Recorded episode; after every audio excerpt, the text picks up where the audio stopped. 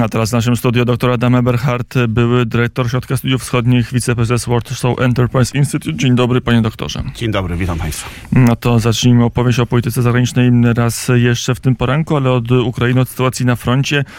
W weekend były takie nadzieje, że być może Ukraińcy już idą po, po Hersoń. To się nie sprawdziło. Jak wygląda sytuacja na frontach? No tam powolutku starają się iść rzeczywiście. Y, były, mm, tak jak dwa tygodnie temu udało się y, Ukrainie odbić pewne terytoria na północy y, prawobrzeżnych y, terenów okupowanych y, na północ od Hersonia. Teraz były próby przebicia się w, bardziej na, na zachód, natomiast no, wydaje się, że rzeczywiście to jest podstawowy cel ukraińskich działań w najbliższych tygodniach. No, o, o tyle łatwiejszy, że Herson jest oddzielony od wsparcia rosyjskiego poprzez Dniepr, więc tutaj oczywiście biorąc pod uwagę chaos, bałagan rosyjskiej aprowizacji, rosyjskich działań wsparcia dla swojej armii, można liczyć na pewne niespodzianki. Ale to nie jest jakaś zadyszka, nie jest tak, że ta ofensywa, która szła dynamicznie najpierw w Charkowie, czyli wschód, potem na południu, to były dziesiątki kilometrów kwadratowych, nawet tysiące, teraz się zatrzymała i to jest jakiś kłopot, czy to jest rutynowa, rutynowo postępujące działanie wojsk rosyjskich, ukraińskich? Nie, to jest pewna zadyszka, ale też ja mam wrażenie, że my troszeczkę jednostronnie postrzegamy rzeczywistość, bo jednocześnie z działaniami ukraińskimi na froncie hersońskim Rosjanie ze zdwojoną siłą atakują Bachmut w, w obwodzie donieckim i, i, i, i akurat tam, na tamtym odcinku frontu mam wrażenie, że pewną przewagę taką strategiczną mają Rosjanie. Tylko, że oni tam atakują od tygodni i niewiele mogą osiągnąć, osiągnąć poza wykrawianiem własnych sił. To prawda, to, to prawda. Na tym etapie Bachmut się broni, chociaż te obrazki, które widziałem, one wskazują, że miasto jest właściwie y, zniszczone i, i te, te, te, koszty ludzkie oraz infrastrukturalne są y, gigantyczne. Ale tak, no rzeczywiście no, linia frontu, bym powiedział, od, od, od, od kilku tygodni jest dość y, stała. No i zobaczymy, jak wpłyną posiłki rosyjskie. Znaczy teraz ci zmobilizowani rosyjscy żołnierze trafiają na front. Zobaczymy, czy to będzie zmiana jakościowa i ilościowa. To ten temat jeszcze zaraz pogłębimy, ale ten Bachmut to jest ciekawe. Z jednej strony Rosjanie tracą duże połacie terenów na Charkowszczyźnie, tak samo w, w Chersoniu, a oni uparcie od tygodni e, biją łbem o, ten, o, o tą ścianę frontu w Bachmucie. Tu jest logika, tu jest jakiś sens e, militarny akcji rosyjskiej? Jeżeli by się Państwo rzucili okiem na mapę terenów okupowanych, to, to ona wygląda dość dziwacznie. To znaczy z jednej strony Rosji udało się e, z, zająć właściwie cały obwód ługański, Rosja kontroluje zdecydowaną większość obwodu hersońskiego, czyli tego położonego najbardziej na zachód, y, wychodzącego na Odessę i to też taki był pomysł rosyjski, aby poprzez kontrolę Hersonia zagrażać Odesie i, i starać się połączyć z Naddniestrzem, e, odciąć Ukrainę od morza. No to oczywiście, e, to oczywiście się nie udało. E, Rosja kontroluje większość obwodu mm, zaporowskiego, chociaż nie kontroluje samego miasta Zaporoże, stolicy regionu, ale tak naprawdę najmniejsze osiągnięcia, najmniejsze sukcesy odniosła na odcinku donieckim. Mm, tutaj ani ani, nie przybliżyła się do y, Słowiańska i Kramatorska. Y, te, te, te, te, te korzyści, te, te zyski, które zdobyła w okolicach Iziumu na północy obwodu donieckiego, następnie straciła, a Bachmut to, są, to, jest, to jest ta południowa część obwodu, sąsiadująca z miastem Donieck.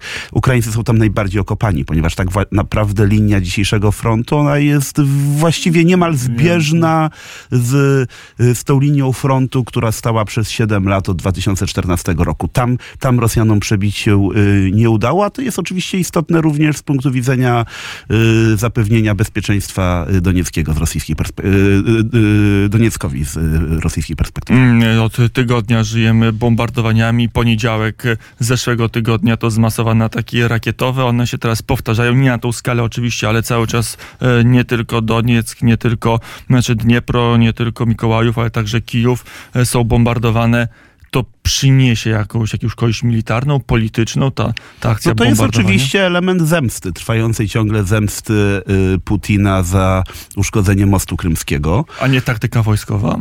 No, to czy, znaczy akurat natężenie działań w ostatnim tygodniu i ataki na cele cywilne, uruchomienie tych irańskich dronów, y, próba niszczenia infrastruktury energetycznej, no to oczywiście to, to się pojawiało w poprzednich y, miesiącach wojny, natomiast intensywność tych działań ona zawsze była zmienna. Ale o to Też- często Mhm. apelowali ci bardziej nacjonalistyczni komentatorzy, że koniec tej operacji specjalnej, trzeba zniszczyć Ukrainę, elektrownie, sieci przesyłowe, walczyć tak, żeby ten kraj zrównać z ziemią. No ja rzeczywiście to, co teraz, teraz na- obserwujemy, Rosjanie starają się, mam wrażenie, coraz mniejszymi środkami, to znaczy tej, te, te, te, te, te, jakby ten ostrzał jest e, coraz mniej precyzyjny, ale rzeczywiście starają się uderzać e, trochę w cele absolutnie stricte cywilne, mm, aby zasiać panikę i strach i to jest moim zdaniem absolutnie skazane na niepowodzenie. To wręcz wzmacnia ducha ukraińskiej obrony i, i to, to jest jakieś szaleństwo z punktu widzenia taktyki rosyjskiej,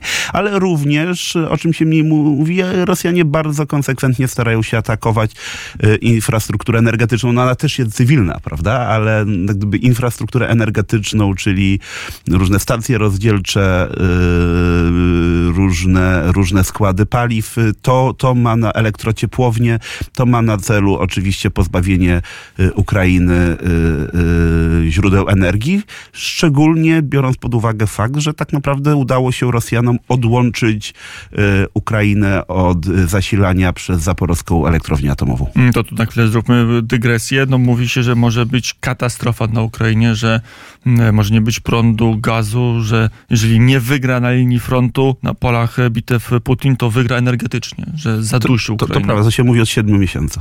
Tak, ale teraz intensywniej, bo idzie No. zima. Pojedzie zima, no oczywiście, że tak. Ukraina też musiała podjąć pewne y, działania ratunkowe. Wstrzymała na przykład y, eksport energii elektrycznej, bo to też mało kto wie, że, w, do Polski że w poprzednich y, miesiącach, pomimo toczącej się wojny, to y, Ukraina była netto eksporterem energii elektrycznej.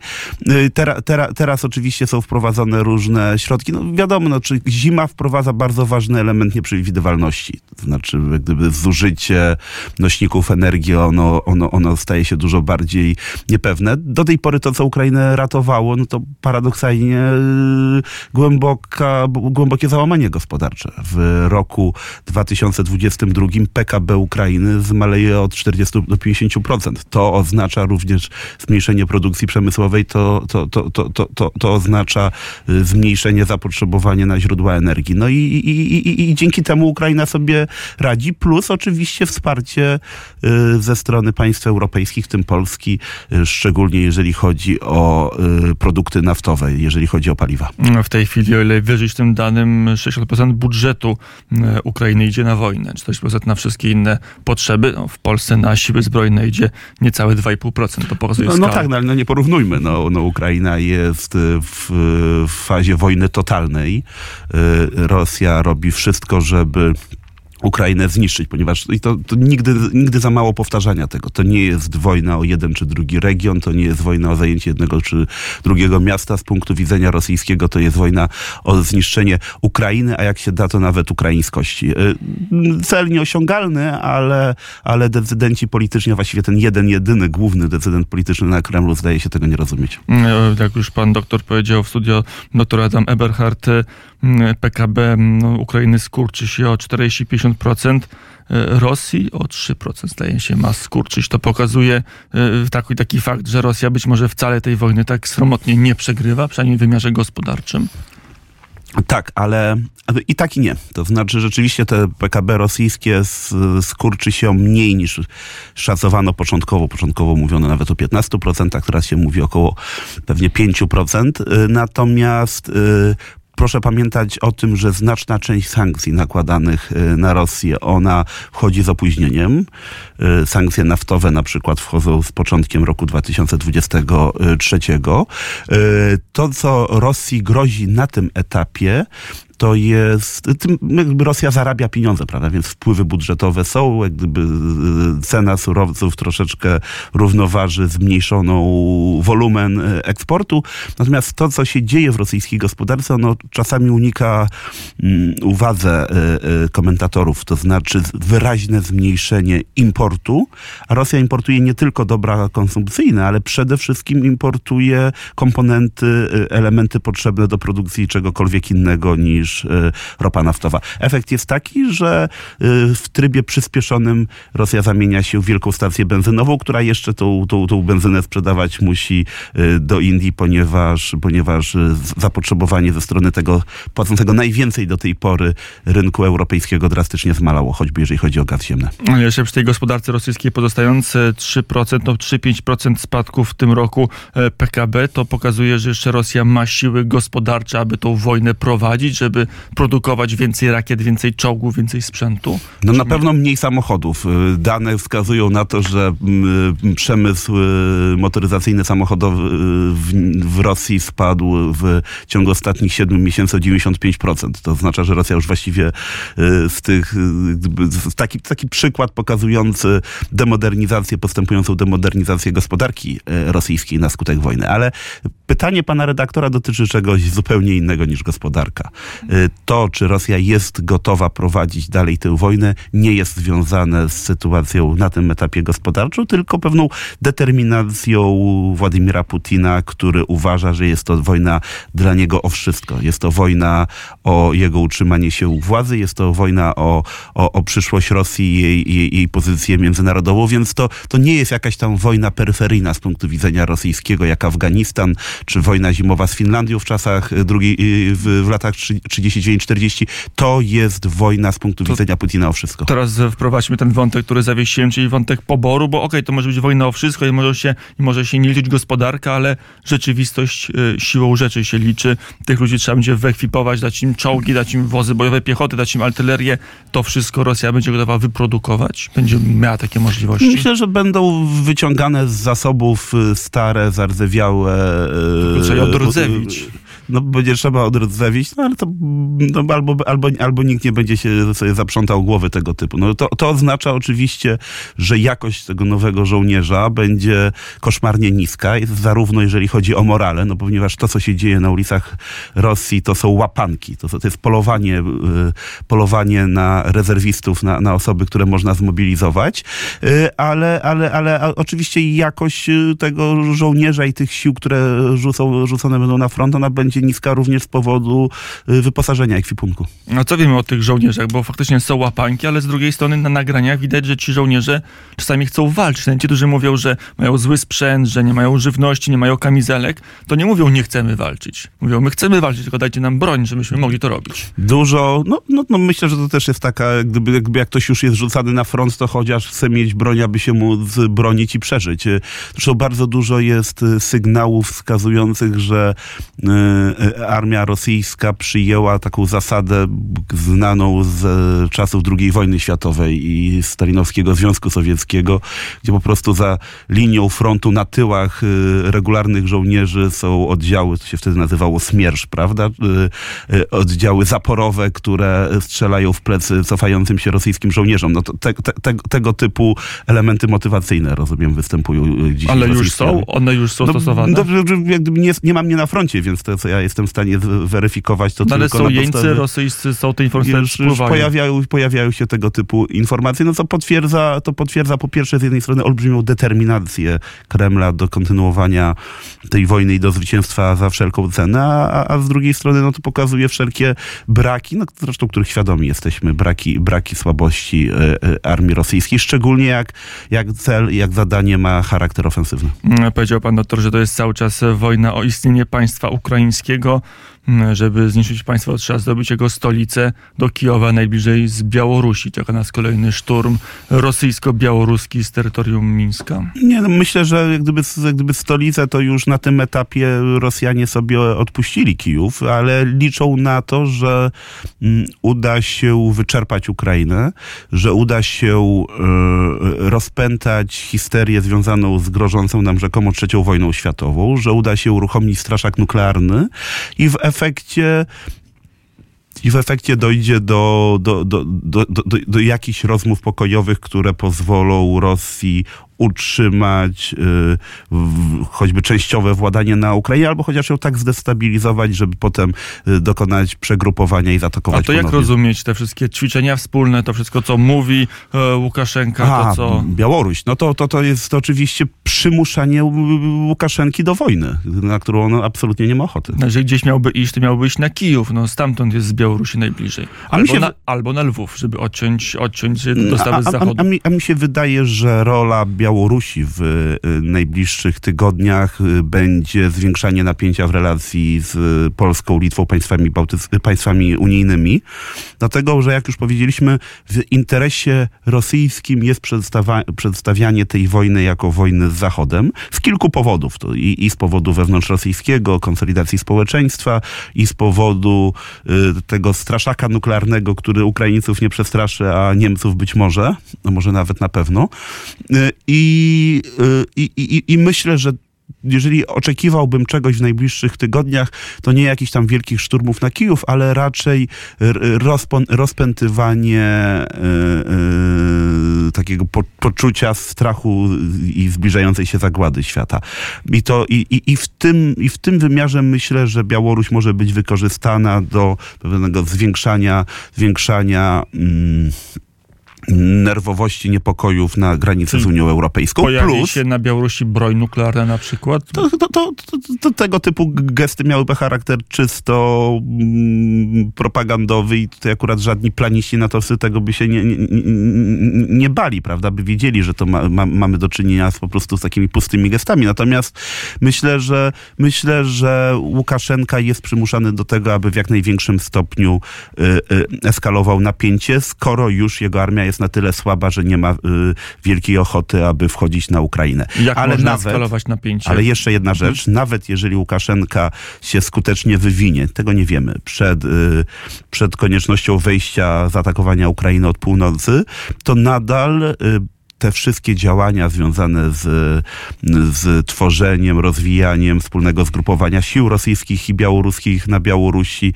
one mają na celu na pewno również yy, wiązanie sił ukraińskich. Znaczy, proszę pamiętać, że czym większe jest zagrożenie od strony, od granicy z Białorusią, no tym, tym mniej żołnierzy ukraińskich może, może być na froncie choćby hersońskim, prawda? No, Tam też działa sprzęt, bo są kopane okopy ze strony ukraińskiej. Trwa e, taki ruch zabezpieczenia granicy ukraińsko-białoruskiej.